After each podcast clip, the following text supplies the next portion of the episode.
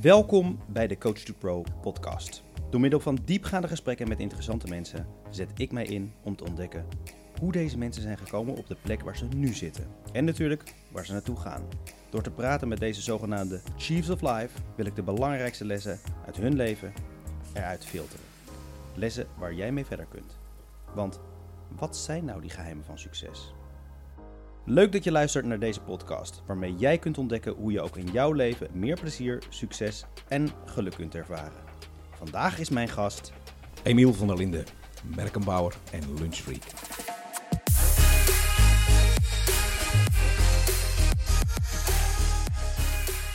Lunchfreak.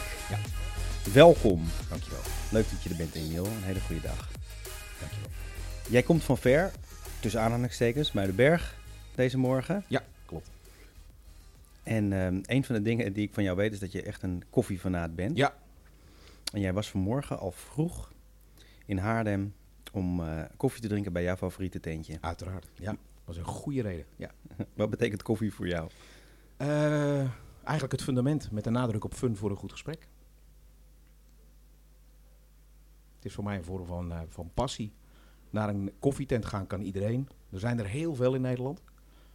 Ehm, maar er zijn maar weinig koffietenten waar je mensen met hart en ziel echt een mooi kopje koffie ziet zitten. Die ook in staat zijn om bij jou een kopje koffie op tafel te zetten en te denken, nou, deze is niet helemaal goed. Je krijgt even een nieuwe van me. Sorry dat je nog een minuut moet wachten, maar dan is hij echt goed. Ja, dan is mijn dag totaal al gemaakt. Ja. Ja. Jij bent echt iemand van aandacht, hè? Ja, vind ik essentieel. De reden dat ik jou heb uitgenodigd, Emiel, is... eh eh, jij bent su- zakelijk succesvol in mijn ogen. Je hebt eh, eh, mooie bedrijfjes, bedrijven. Ehm, eh, ik zie je constant met nieuwe ideeën en plannen. Als ik je hoor, dan ben je één spraakwaterval van ideeën en plannen. Ehm, en daarnaast vind ik dat jij in mijn ogen heerlijk in balans bent. Je hebt veel tijd voor thuis. Je gaat met je zoon Ries naar Texel toe. Ehm, eh, met je gezin eh, heb je lange vakanties. En als je dan eventjes weg bent, of het nou een weekend is of, of, of, of dat je een paar weken of, of maanden weg bent, je bent dan ook echt eventjes offline. Hè? Je, je gaat in de niet-storen modus. Nou, er zijn mensen bij mij thuis het wat minder mee eens. Die vinden dat de devices wel helemaal uit mogen. Maar een van mijn eh, eh, one-liners is: op de boot naar Texel krijg ik de beste ideeën. Ja. En als mijn zoon dan naast me staat te kwetteren en blij is, ja, dan kan het zomaar zijn dat ik eh, richting dat mooie eiland kijk, letterlijk even het vasteland achter me laat. En dan ontstaat er bij mij ruimte voor nieuwe ideeën. En dat kan dan zijn dat een potentiële opdrachtgever of een bedrijf wat met een bepaald idee zit, of een start-up die ergens heen wil, ja, dat ik op die boot ineens denk: hey, dat is een mooie klik. En dan heb ik het aha-erlevenis daar ergens op het Maasdiep. Ja, en dan? Eh, schrijf ik hem op. En Dus laat ik hem pak ook je even een device. Ja, ja, dan eh, schrijf ik hem op voor mezelf. Eh, laat hem ook echt eventjes broeien en borrelen. Eh, geniet ergens van een goede kop koffie op het eiland. Eh, laat hem dan nog een keer doorcijpelen en dan op een gegeven moment deel ik het met de, ja, met de start-up, met de ondernemer of met de opdrachtgever. En doe je dat dan ook al op vakantie? Of, of zeg je van, oh ja, oké, Ja. dus dat doe je dan wel. Ja, juist op vakantie krijg ik vaak wel hele goede ideeën. Oké, Dus is voor mij, eh, mijn rijkdom nu is eigenlijk dat ik geen dag werk. En eh, bijvoorbeeld op het koffiepuntje waar je, waar je het net over had, eh, op die mooie koffieplek, daar kan ik 's ochtends vroeg in alle rust zitten met een krantje, kopje koffie erbij en ja, dan komen de ideeën vanzelf. Even, even voor de Haarlemmers zonder ons. Welke tent is dat? Dat is, voor mij is dat Dodici. Ja. Ja, dat is mijn tweede kantoor. Oké, Ja. mooi. Die heeft goede koffie. Die heeft voor mij goede koffie. Ja. Oké. Hey, eh, Emiel, waar ben jij allemaal mee bezig? Want je doet heel veel dingen. Wat, wat, wat, is, wat, wat heb je deze week gedaan? Nou, ik, ik deed altijd heel veel. Daar heb je een goed punt. En ehm, voor mij is het een lange zoektocht geweest om dat terug te brengen tot één ding. En dat noem ik merken bouwen. Ik word ontzettend blij van, het, ja, van het toetsen van de intrinsieke motivatie van mijn medemens. En ik geloof heilig in het talent van mijn medemens. Bij ieder mens. En dan vooral de focus op dat talent. En me dus niet focussen op alle beperkingen, belemmerende overtuigingen. eh, wel erover praten als dat gewenst is. Of de angsten bekijken. Ik deel ook mijn fouten en stommiteiten in, in, in gesprekken. En dan samen kijken van waar wil je nou werkelijk heen? Ehm, en als je dat terugbrengt tot jouw vraag, dan is het dat ik in al die concepten, ideeën, start-ups, eh, nieuwe dienstverlening bij bedrijven bezig ben met de essentie van oké, je wil eigenlijk wil je een nieuw merk neerzetten. Nou, hoe zorg je nou dat het een sterk merk is? En daar ben ik mee bezig. Wat, wat voor organisaties moet ik aan denken? Want je noemt start-ups. Wat, wat, wat? Nou ja, ik heb zelf een arbodienst eh, opgebouwd in 2011. Vanuit mijn intrinsieke motivatie toen. Ehm, en sinds ik in april van 2018 een hele goede directeur vond. Die dat veel beter kan dan ik. Want ik ben meer ondernemer dan directeur. ehm, ben ik bezig met het begeleiden van mensen die met een idee komen en daar een bedrijf van willen maken. Ben ik bezig met mensen die ergens in loondienst werken en denken ik wil eigenlijk voor mezelf beginnen. En ja, welke stappen moet ik dan zetten? Ehm, en ik ben bezig bij grote bedrijven ja, die een, een, een, een, prachtig, nou ja, een prachtige dienstverlening hebben en iets nieuws erbij willen. En dan kom je op de se- essentie, ja, het bouwen van een, van een ander merk. Ja. Daarbij ga ik niet in de uitvoering. Ik zit echt op het concept, de strategie en het uitzetten van acties en introducties in mijn netwerk. En, en- en welke specifieke hoek? Zit je in een specifieke hoek of is het alles wat op je pad komt? Nee, ik heb een, eh, een ambachtsman die met prachtige maatwerkschoenen bezig is. Het zijn eh, een, een groei aan online marketing en reclamebureaus. Omdat reclame stiekem ook wel iets is wat ik erg leuk vind. Mhm. Eh, en in de, in, de, in de markt van de sociale zekerheid doe ik ook een hoop. Dus dat is richting arbeid, gezondheid en vitaliteit. Dus iedereen die bezig is met een idee of een plan kan bij jou aankloppen. Als de twinkeling bij iemand in zijn ogen zit, zijn we al op de helft. Ja. Mooi. Ja, en, want, want als ik eh, op jouw website kijk en ook op je LinkedIn-profiel, dan zie ik dat je ook jezelf wel een beetje een, een, eh een fikkie-stoker noemt. Ja. Jij weet het Ja. vuur in mensen aan te wakkeren. Ja. Hoe doe je dat? Nou, door af en toe, eh, eh, af en toe komt er een opmerking eh, die net eventjes op de grens is, om te kijken hoe iemand reageert.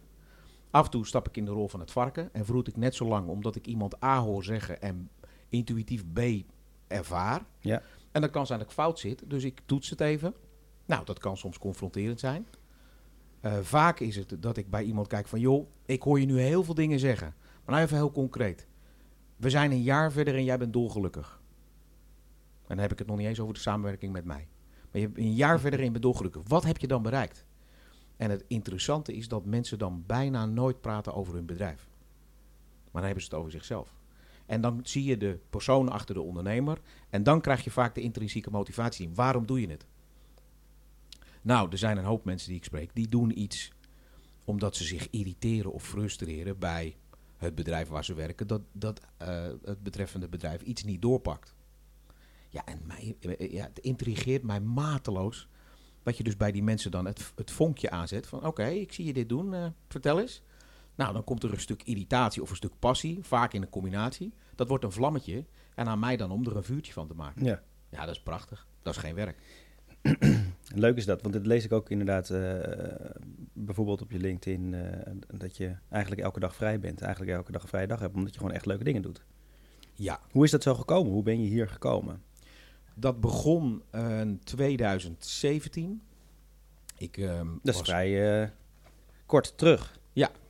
ik was eh, van 2011 tot 2017 zat ik in de rol van eh, directeur en eigenaar van een arbodienst. En het heerlijkste vond ik het proces van het binnenhalen van een nieuwe klant. Ehm, en dan vooral ehm, het proces van kennismaken totdat ze het contract tekenen. En eigenlijk moet je mij daarna wegsturen.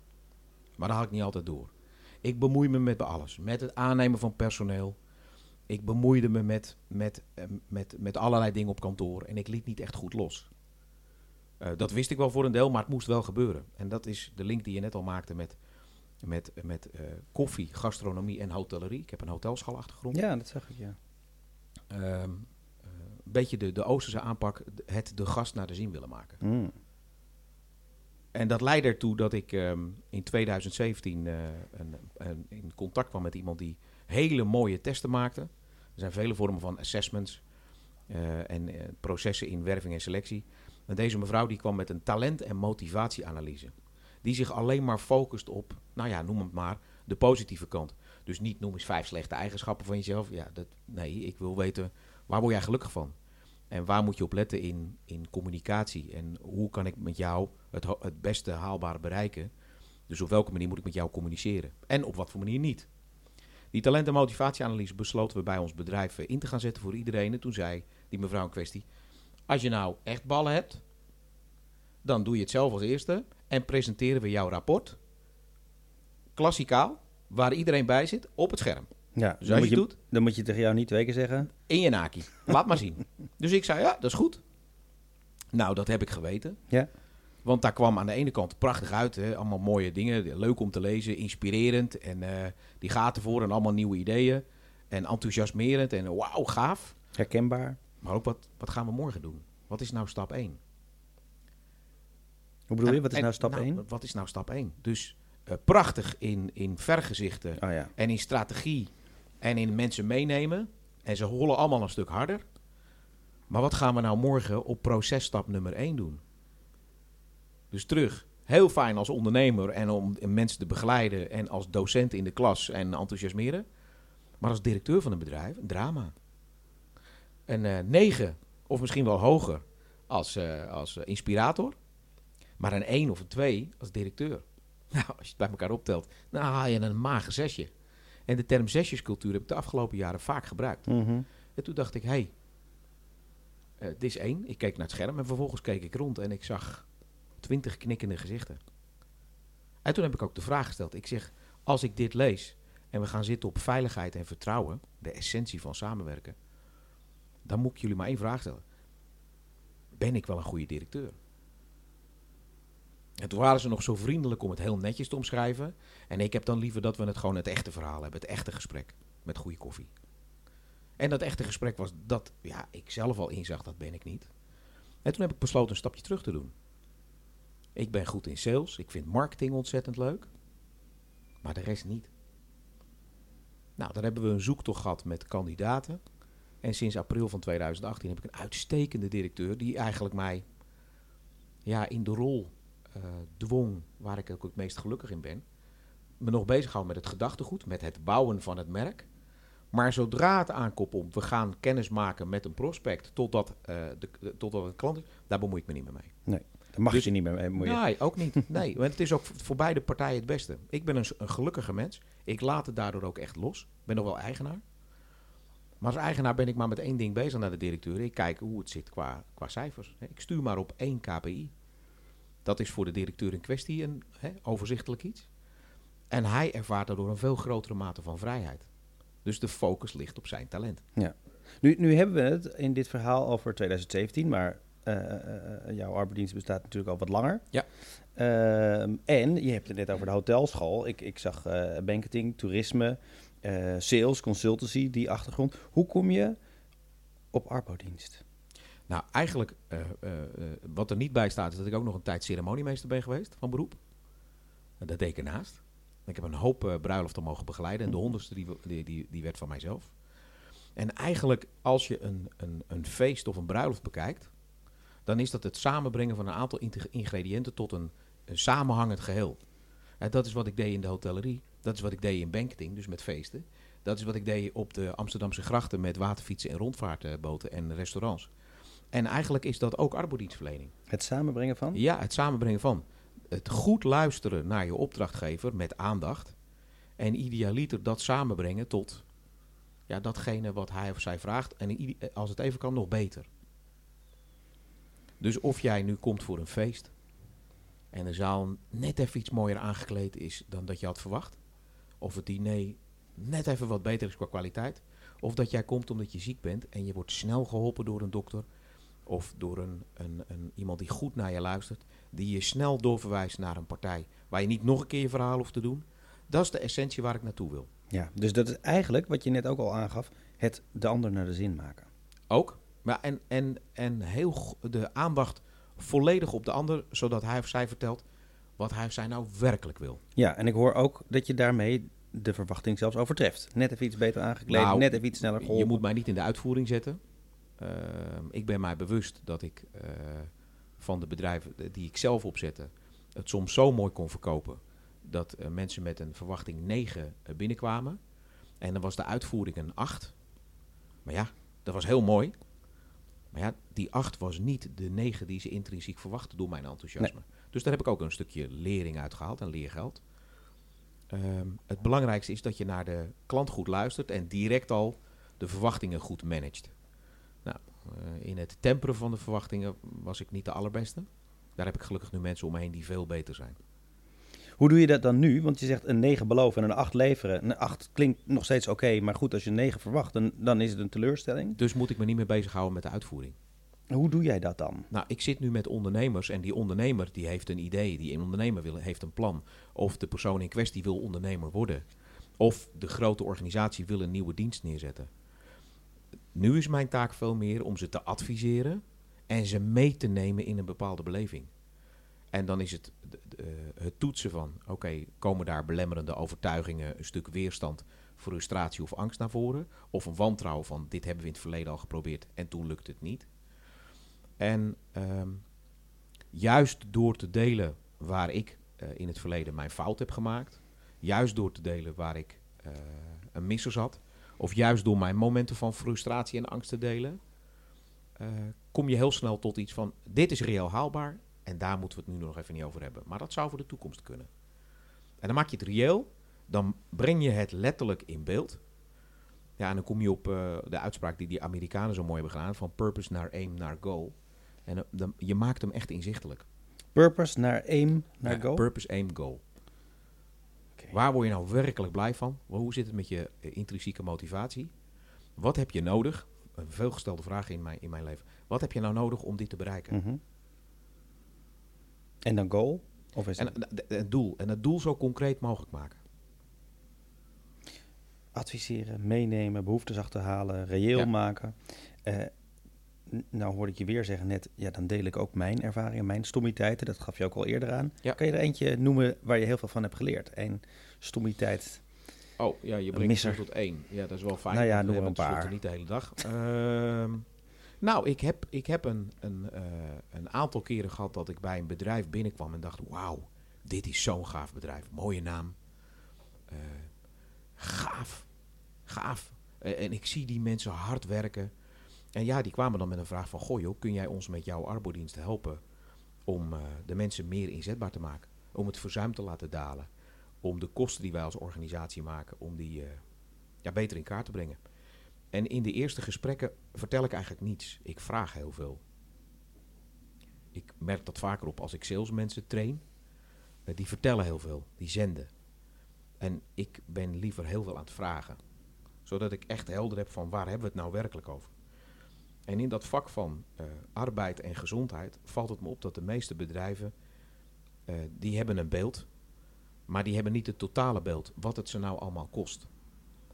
En ik vind het interessant en ook intrigerend om dat totale beeld helder te maken. Waarbij een ondernemer vaak schrok. Hebben we, jeetje, verliezen we zoveel geld per jaar? Allerlei verborgen kosten. En dan deed ik een presentatie. En mijn eh, voorwaarde was altijd, als ik presenteer, dan wil ik eigenlijk alle stakeholders erbij hebben. Nou, als je het hebt over ziekteverzuim, dan heb je het niet alleen over de afdeling personeelzaken of HR. Maar dan heb je het ook over die leidinggevende die een medewerker aan de lijn krijgt. Als het, als het niet lekker gaat. Maar we vergeten vaak eh, de financiële afdeling. Die ook iets vindt van de budgetten. En eh, de ondernemersraad wilde ik er ook op het eerste moment al bij. Die wilde ik direct aangehaakt hebben. En daar ging ik dan mee in gesprek. En ik toetste bij hen van, joh, waar staan we nu in, je, in jouw optiek in het bedrijf? Met, met verzuim en met inzetbaarheid. En waar wil je heen? En als je dat kwadrant tekende, dan zag je overal kruisjes staan. Ik zei, het is interessant. Overal kruisjes? Overal zag je kruisjes staan in een kwadrant van waar we nu staan en waar we heen willen. Dus al die mensen hadden eigenlijk een ander beeld. Een andere wens en een andere verwachting. En een ander beeld waar ze nu staan. En dan zei ik, wat verwacht je nou van die nieuwe partij? Want jullie zetten overal een andere verwachting. Daar kan ik nooit aan voldoen. Of daar kunnen wij nooit aan voldoen. Mhm. En vervolgens begon ik met een gloedvol betoog over waar wij dan voor stonden. Waarbij ik vaak vertelde, mijn vader was blind. Ehm, maar als ik binnenkwam, dan was de eerste vraag, wat is er aan de hand? Dus voor de, eh, nou ja, voor de maatschappij was het een man die grotendeels of soms volledig blind was. En voor mij was het een man die irritant goed kon luisteren. Ik ben van jongs af aan opgegroeid met mogelijkheden. Altijd kijken naar mogelijkheden. Altijd denken in mogelijkheden. En natuurlijk begrijp ik dat dat voor mijn omstanders nog wel eens tot weerstand leidde. Van ja, ik kan het allemaal wel heel mooi vertellen. En in die eh, presentatie naar zo'n groep, ja, dan zette ik het verhaal zo gloedvol neer, dat ik eigenlijk op driekwart van de sessie wist, dit wordt een klant. En in het implementatieproces daarna verwachten ze die gloedvolle aanpak ook van mijn collega's. En dat heb ik niet goed gemanaged. Want dat is waar ik blij van word. Ik word heel erg blij van voor zo'n groep ze meenemen in het proces. Ze meenemen op een reis in een bepaalde beleving. En daarna dacht ze, ja, maar ja, in de implementatie en de koppelingen van uh, allerlei processen, dan uh, loopt het allemaal een beetje stroever. Ja, dat had ik in, dat, in die presentatie ook mee moeten nemen. Van let op, ik ben enthousiast, maar er gaan ook een aantal dingen niet goed. Nou, dat is wel een leerpunt geweest wat ik na twee, drie jaar heb aangepakt. En waar, hoe heb je dat aangepakt? Want het klinkt nu alsof je die verwachting anders bent gaan managen. Maar je zou kunnen zeggen, ik ga er gewoon voor zorgen dat die implementatie een stuk beter gaat. Zodat ze daar niet teleurgesteld over raken. Um, dat zou je kunnen doen. Uiteraard kijk je altijd eerst in je eigen spiegel. Uh, maar je moet ook rekening houden met de agenda's van andere mensen. En er zijn zoveel partijen betrokken bij het implementeren. Als wij samen uh, ergens een nieuwe klant uh, werven, acquireren en wij komen voor het eerst binnen het bedrijf, dan hebben die mensen al een ervaring met onze voorgangers. Ze weten wat ze niet willen, maar ze weten soms niet wat ze wel willen. Maar al die ervaringen uit het verleden nemen ze mee in het gesprek met ons. Nou, die toets ik nu en filter ik nu veel intensiever van. Wat verwacht je nou precies? En wat wil je dat ik niet doe? Dus ik ga dat hokje waar ik instap, die ga ik concreet maken en ik ga zo snel mogelijk kijken of ik dat hokje groter kan maken. Ik ga ze wel uitdagen. Maar dat, ik vind het ook leuk, inderdaad, in gesprekken met jou merk ik altijd dat je een beetje probeert de, de, de randjes op te zoeken. Ja. Je probeert mensen te prikkelen, dat is ook dat stukje dat, dat vuur aanmaken. Ik kan me ook voorstellen dat dat wel eens verkeerd gaat. Ja, dat klopt. mensen gewoon geïrriteerd raken of denken van, uh, ja. waarom, waarom uh, kom je zo dichtbij eigenlijk? Ja. Hoe, hoe, nou, mijn, mijn, leer, uh, mijn leerproces daarin, en dat is een, een leerproces wat uiteraard doorgaat, dat, dat stopt niet nu. Maar wat ik mij steeds meer bewust uh, werd en word, is dat als ze geïrriteerd raken, dan is het niet naar mij als persoon, maar dan is het feitelijk in de rol die ik op dat moment neem. Mm -hmm. En de fout die ik nog wel eens maakte, is dat ik het echt op de persoon nam. En dan hè, als een hotelier uh, uh, vol in de pliestand ging. Ja, maar dat is, dat is niet wat er gevraagd wordt. Het is terecht dat zo'n persoon irritatie ervaart. Maar waarom? Nou, en nu zeg ik, joh, um, ik, uh, ik heb net iets aangekaart. En ik merk dat er nu een aantal mensen eventjes ineens heel actief met hun WhatsApp, Tinder, Twitter, Snapchat en andere dingen aan de slag gaan op een smartphone. Ik ben je even kwijt. Vertel, wa, wa, wat heb jij nodig om weer aangehaakt te breken? En dan krijg je een heel mooi gesprek. Dat zijn vaak de mooiste onderdelen van een presentatie of een training. Dan krijg je te horen wat er werkelijk speelt. Mm-hmm. Dus juist als het eventjes misdreigt te gaan, mensen haken af, dan weer aanhaken. Ja. Dat maakt dat het mooi wordt. Ja. Uh, daar moet je dus wel echt scherp op zijn. Ja. Want hoe merk je dan dat mensen afhaken? Of Ja. hoe merk je dat jouw gedrag leidt tot irritatie bij de ander? Hoe, hoe, hoe merk je dat? Hoe ben je daar? Uh, veel je uh, trainingen uh, of opleidingen waar ik als docent een rol mag spelen of als trainer, die doen we samen. En dan werk ik graag met iemand die heel erg let op verbale en non-verbale communicatie, Mm. lichaamshouding.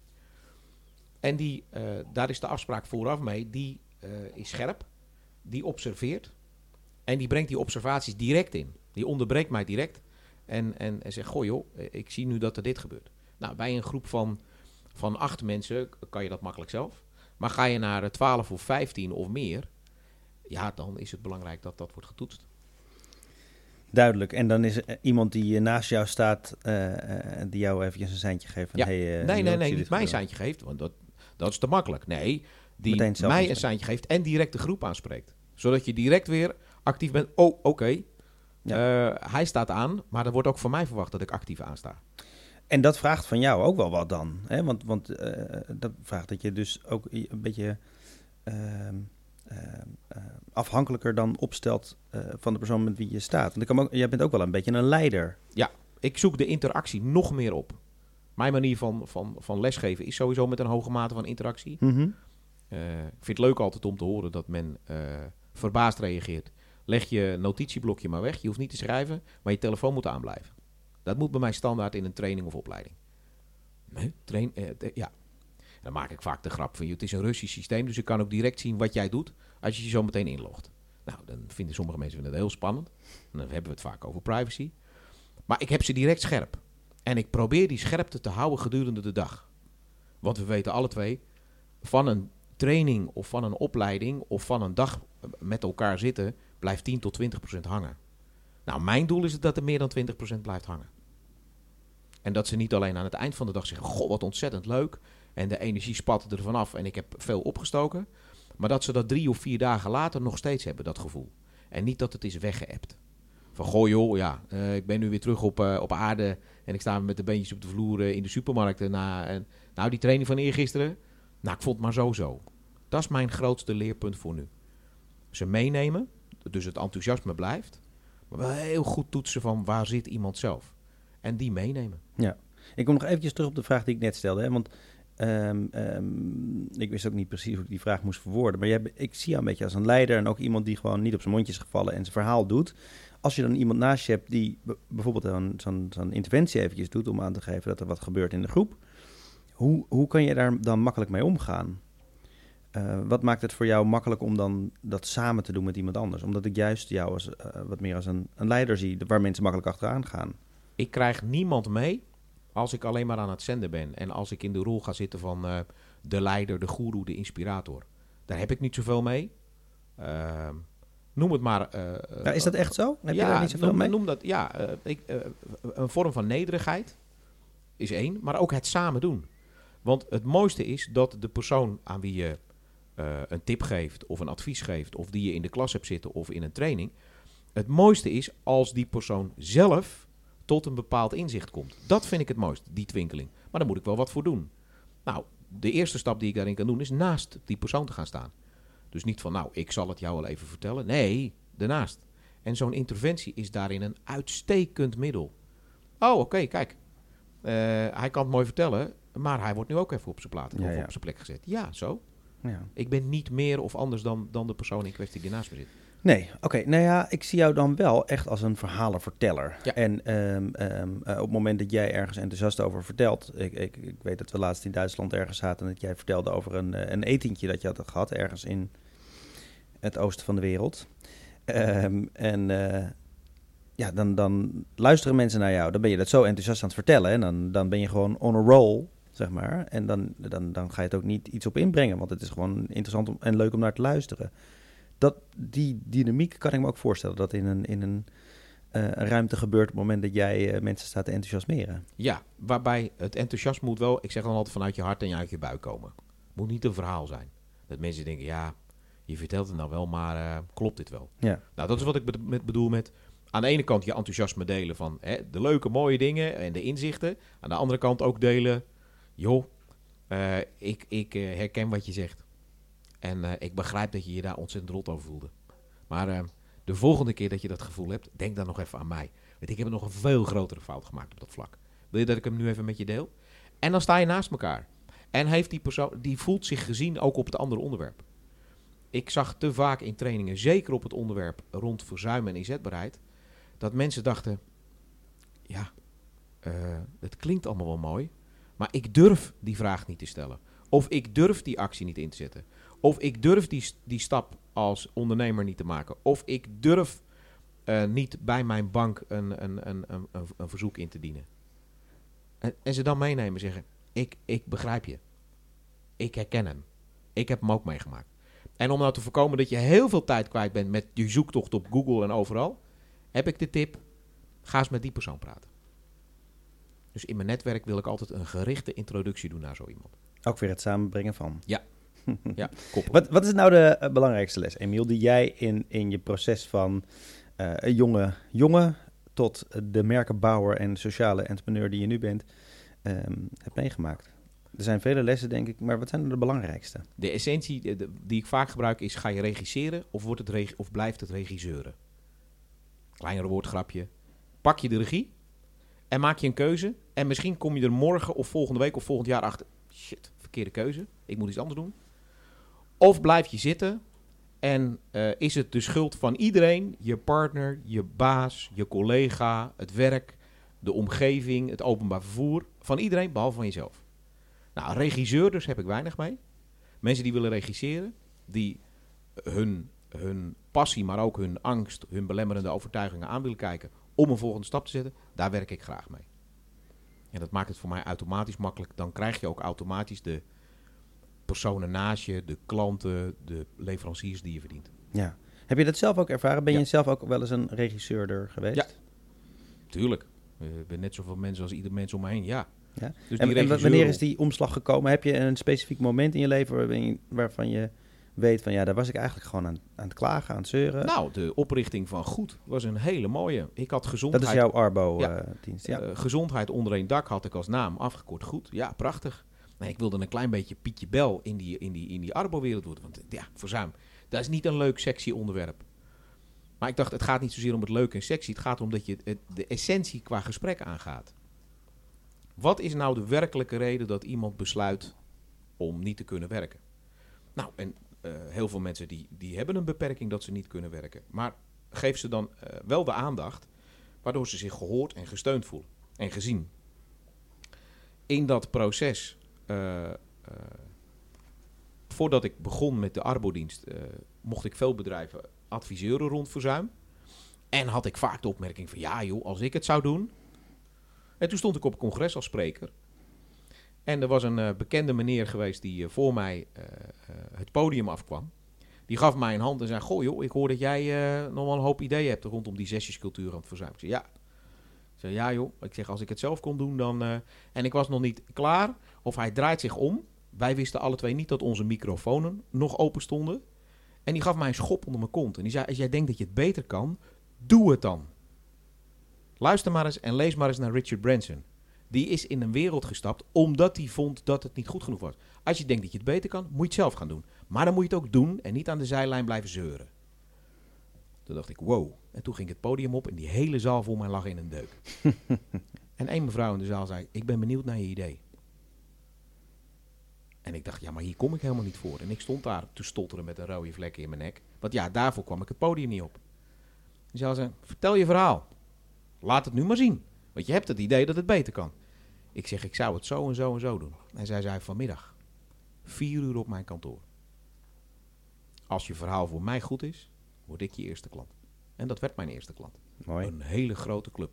Jeetje. En dat is voor mij de essentie geweest van, oké, ik werd uitgedaagd. Natuurlijk vond ik het spannend. Ik liet het ook zien dat ik het spannend vond. En ik deelde mijn spanning, waardoor de, de toehoorders ook zoiets hadden van, ja, dat zou ik ook hebben als ik daar zou staan. En ik kreeg mijn klus. Jij stond daar te praten op dat congres, op dat evenement. Eh, Wat deed je daar dan? Want je was dus nog niet actief in die Arbo. Ja, eh, ik was, ik was wel actief in de wereld van arbodienstverlening, alleen niet in de rol van dat ik een eigen arbodienst had. Aha. Ik gaf, ik gaf les op dat onderwerp van ja, hoe koop je nou in en waar moet je nou op letten? En ja, jeetje, Mina, eh, we hebben in de afgelopen vijf jaar hebben we vier arbodiensten gehad. Goh, interessant. Blijkbaar zit er dan iets in de why. Waarom zoek je nou een andere partij?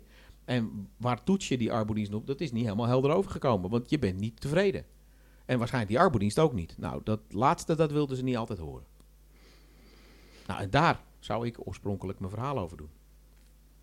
En dat werd een heel ander verhaal. En dat werd schutterend en stotterend. eh, eh, Oké, ja, dit is mijn beeld. Want ik moest op dat moment ook letterlijk met de billen bloot met mijn eigen droom. Nou, ik had mijn droom wel eens gedeeld. Met vrienden en bekenden mij een mooi glas wijn en een knapperend haardvuurtje. Of bij goede koffie. Maar nog niet aan zo'n grote zaal. Met allemaal potentiële eh, eindbeslissers. in mijn doelgroep ook nog eens. En nog met de gedachte in je achterhoofd, nou moet ik het gaan waarmaken ook. Ja, Niet exact. langer eh, Ja. eh, regisseuren, maar eh, daadwerkelijk gaan regisseren. Ja. Hey, de aandacht, dat is een, een woord dat constant bij je terug wil komen. Waarom is aandacht zo belangrijk? Omdat we het met z'n allen zoeken. Wat heel interessant is, en eh, wat ik vaak wel mis, is wij samen zitten in een, in een nieuwe generatie. We hebben het met z'n allen over allerlei redenen waarom we het in Nederland op dit moment allemaal wat, of in de wereld allemaal wat drukker hebben. Eh, elk jaar hoor je eh, gezin en gezondheid. Eigenlijk zijn dat de belangrijkste voorwaarden voor goede, goede voornemens. En we willen allemaal op een andere manier kijken naar de werk-privébalans. Maar wat ik zo ontzettend weinig hoor, is dat een groot deel van ons, en de luisteraars en de toehoorders nu, die komen uit een situatie dat eh, vader werkte vroeger en moeder was thuis. En wij eh, hebben voor ons de generatie die al langzamerhand de draai maakte. Moeder ging ook werken. Een deel van de luisteraars hebben al meegemaakt, hun moeder werkte. En vader werkte. Of vader ging al wat minder werken. En wij zitten nu in een situatie dat de man ook thuis veel meer doet. De vrouw veel meer op werk doet.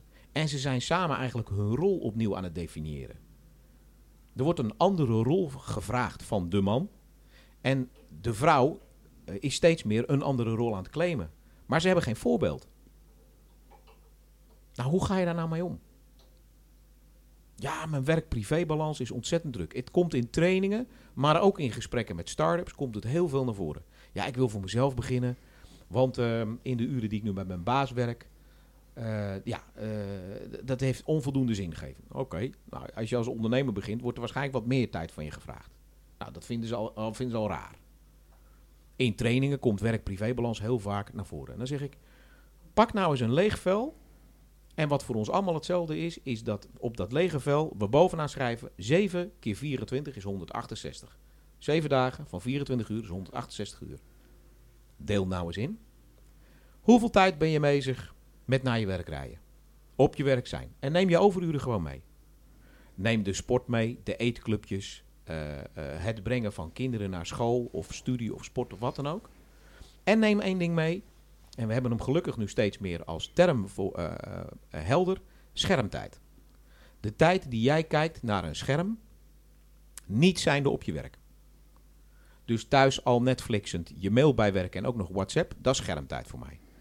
En ik zie bij heel veel mensen schokkende reacties van, goh, jeetje, 168 uur. Ik zit 50 uur per week ben ik bezig met werk. Ik heb eh, 15 uur eh, tot 20 uur reistijd. En ik kom al, ja, ik kom inderdaad op 42 uur schermtijd. Zeg ik, oké. En dan komt je sport en, je, en je, al die belangrijke andere dingen in je gezin komen er ook nog bij. Interessant hè? Werk, schermtijd en reistijd gaat al over de helft heen van die 168 uur. En wat eh, noemen ze als laatste? Slaap. Tel eens op. Ja, ik heb, voor- zoals ik me nu voel, heb ik behoefte aan 8 uur per nacht. Ja, je hebt nog maar ruimte voor 4. En dat is niet omdat ik het beter weet, want ik heb exact hetzelfde gehad. Maar we zijn op zoveel vlakken zijn we de, de, de borden en de bal in de lucht aan het houden.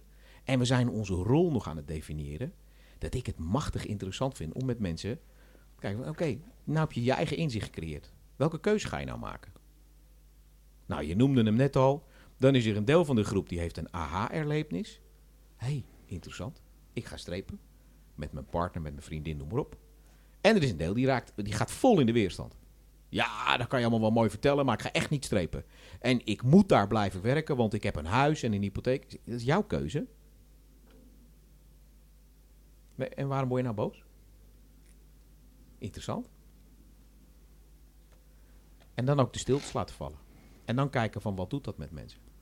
Die vorm van aandacht leidt ertoe dat sommige mensen letterlijk na een sessie of een training kunnen zeggen: Goh, joh, wil je eens met me meedenken? Want ik wil wel ondernemer worden. Of ik wil wel een stap maken in het bedrijf. Of ik wil wel promotie maken.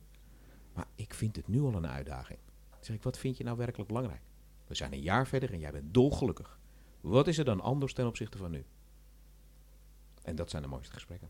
Dus het gaat over aandacht aan de belangrijke dingen. Waar, heb je, waar ben je echt mee bezig? Wat, waar, waar word jij werkelijk gelukkig van? Wat geeft jou arbeids- en levensvreugde? Mhm. Wat geeft jou de grootste arbeids- en levensvreugde? Ja, dit werk. De twinkeling bij mensen op het moment dat het kwartje valt. Of dat nou door mij gezegd is, of dat we door onze interactie, dat er bij mensen een kwartje valt en dat ze denken, ja, ik ga dit doen. En waarom is dat voor jou zo belangrijk? Dat, Ja, dat, dat bij andere ik- mensen... Dat, ja, Dat vind ik mooi. ja, wat vind je daar mooi aan? Ja, hoe ik- hoe komt ik- het dat je daar zo warm van wordt? Want ik Eh, zie je stralen en eh, twinkelen. Ja, dat is, de- dat is bij mij stoom uit mijn oren. Nee, ik zeg ook altijd, dat is niet voor niks de URL van mijn website. Het stoom uit je oren. Heel veel mensen labelen dat negatief. Ik krijg er stoom uit mijn oren van. Dan zeg ik, maar ik kan hem ook positief labelen. Hè?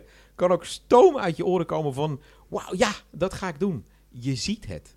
En eh, mijn blijdschap is, ik moet het zien. Ik moet het idee van iemand zien. Ik wil de twinkeling bij iemand zien. Ja, dat maakt mijn dagen mooi.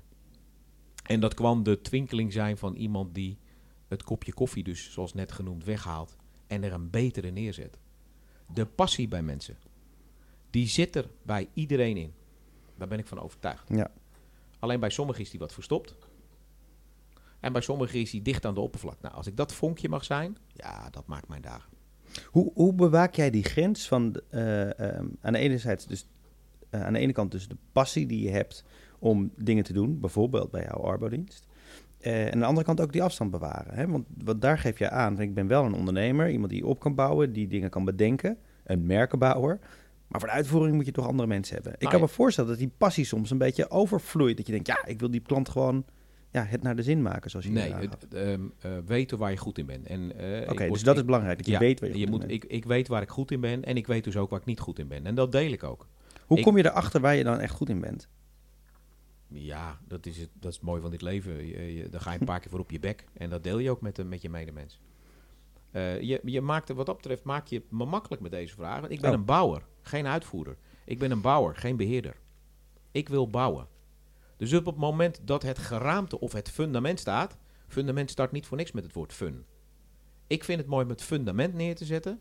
En dan wil bijna iedere medemens, die wil verder doorbouwen. Daar heb je mij niet voor nodig.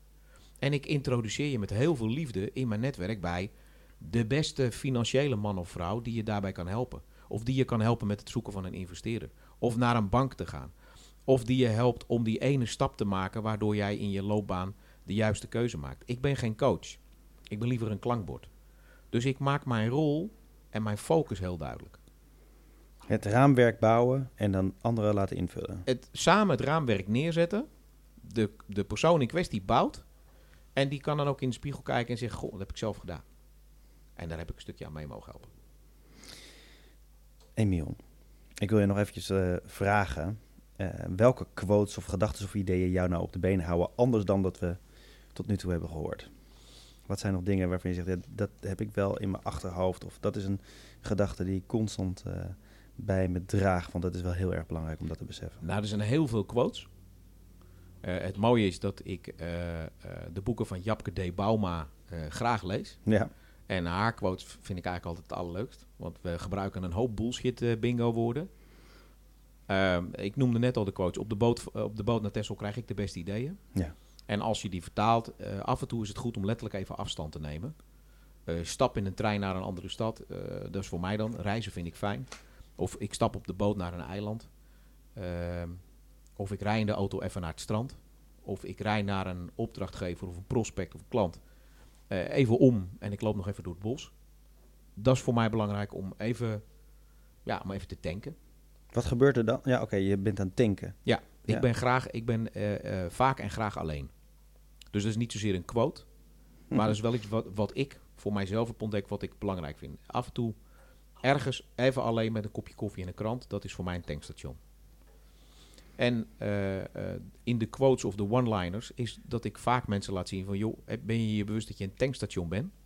Gedurende de dag komen er een hoop mensen bij jou tanken en een deel vergeten betalen. Ik kan me voorstellen dat je aan het eind van de dag best leeg bent. Nou, dan zie je bij heel veel mensen kwartjes vallen. En dan zeg ik er ook naast, en ik herken hem. En ik herken hem niet voor niks, want ik was het ook. Ik had er dan ook een hoop op mijn bagagedrager. Jij hebt het goede idee, maar de mensen om jou heen, die willen maar wat graag een graantje meepikken van dat idee. Nou, toets eens even of jullie allemaal eh, dezelfde doel hebben. Of jullie op dezelfde manier in de wedstrijd zitten. Ja, dat is best spannend als ze met z'n vier of vijf tegenover je zitten. En ze willen met elkaar heel graag een bedrijf bouwen, want ze zijn al zo lang bevriend. Ja, maar vanuit je rol als vrienden, dat is iets anders dan met elkaar een, een bedrijf bouwen. En ik wil wel graag dat het leidt tot eh, hele goede omzet, mooie EBITDA's en eh, prachtige zwarte cijfers. Anders doe ik niet mee. Vaker vanuit de gedachte denken dat je een tankstation bent. Dat is het advies wat je anderen zou kunnen meegeven. Ja, wil je gelijk of wil je geluk? Of, eh, of in mijn term, ga je regisseren of blijft het reg- regisseuren? Ja, Emiel, dankjewel voor jouw tijd, voor je energie, voor je wijze woorden. Eh, leuk dat je hier gekomen bent. Graag gedaan. Ehm, ik, eh, ik heb er veel aan gehad. Mooie tips, dank daarvoor. Graag gedaan. Dat was weer een inspirerend gesprek. En deze keer met Emiel van der Linden, merkenbouwer en lunchfreak. Hij begon zijn carrière in de hotellerie en was actief als ceremoniemeester. Ook werkte hij als consultant en adviseerde diverse arbodiensten. Hij vond dat het beter kon en werd uitgedaagd door iemand die zei: Als je denkt dat het beter kan, dan start je toch je eigen arbodienst. Dat deed hij. Acht jaar geleden startte hij Goed Arbo. Sinds kort is hij daar geen directeur meer van, maar wel eigenaar. Hij ontdekte namelijk dat hij wel goed is in bouwen, ontwikkelen en nieuwe plannen bedenken. Maar een tent runnen, dat is een heel ander vak. Sindsdien is hij actief betrokken bij zo'n zeven bedrijven en helpt daar om nieuwe plannen te ontwikkelen. Als er 40 uur in een dag zouden zitten, zou Emiel ze allemaal benutten. En niet alleen met werken, want Emiel besteedt zijn tijd extreem bewust. Daardoor heeft hij eigenlijk elke dag vrij, juist omdat hij doet waar hij veel energie van krijgt. Zijn lessen? Beloof geen 9 als je een 8 levert. Je kunt anderen beter verrassen als ze eenmaal binnen zijn. Geef aandacht aan datgene wat belangrijk is. Je hebt maar 168 uur in de week. Waar besteed jij jouw aandacht aan? En besef je dat iedere keuze die je maakt consequenties heeft. Neem verantwoordelijkheid voor wat je doet. En wat je laat. In de woorden van Emiel, je kunt regisseren of regisseuren. Geef je sturing aan het leven of ga je klagen en weet je zo dat er helemaal niets verandert. Neem af en toe afstand. Zorg dat je regelmatig tijd voor jezelf maakt om even rustig bij te tanken. Door afstand te nemen, blijf je scherp op je energie en kun je ervoor zorgen dat het geven en ontvangen in balans is. Emiel gebruikte hiervoor de metafoor van een tankstation. Als mensen iets halen, brandstof, moeten ze ook iets brengen, betalen. En is de balans zoek, dan kosten dingen jou gewoonweg te veel energie. Adviseren is ook geen kwestie van de wise guy uithangen door veel te zenden. Degelijk adviseren is vragen stellen, luisteren en behoeftes achterhalen. Daadwerkelijk naast een ander gaan staan en zorgen dat het kwartje valt. Dan komen mensen zelf in beweging en is de kans op succes vele malen groter. Denk niet vanuit beperkingen, maar kijk wat mogelijk is. Hij ondervond dat van kinds af aan. Zijn blinde vader leerde hem dat hij niet kon zien, maar wel extreem goed kon luisteren. Dus benut jouw kansen en bedenk wat je wel kan. Daarmee maak jij het verschil. En als laatste, weet waar jij goed in bent en leg daar de focus op. Wees je bewust van je eigen successen en valkuilen. Deel jouw valkuilen ook met anderen. Daar leer je zelf van en kun je andere mensen ook mee inspireren. En die focus op jouw kwaliteiten, die geeft volgens Emiel arbeids- en levensvreugde. Dank voor het luisteren. Graag weer tot de volgende Coach to Pro podcast.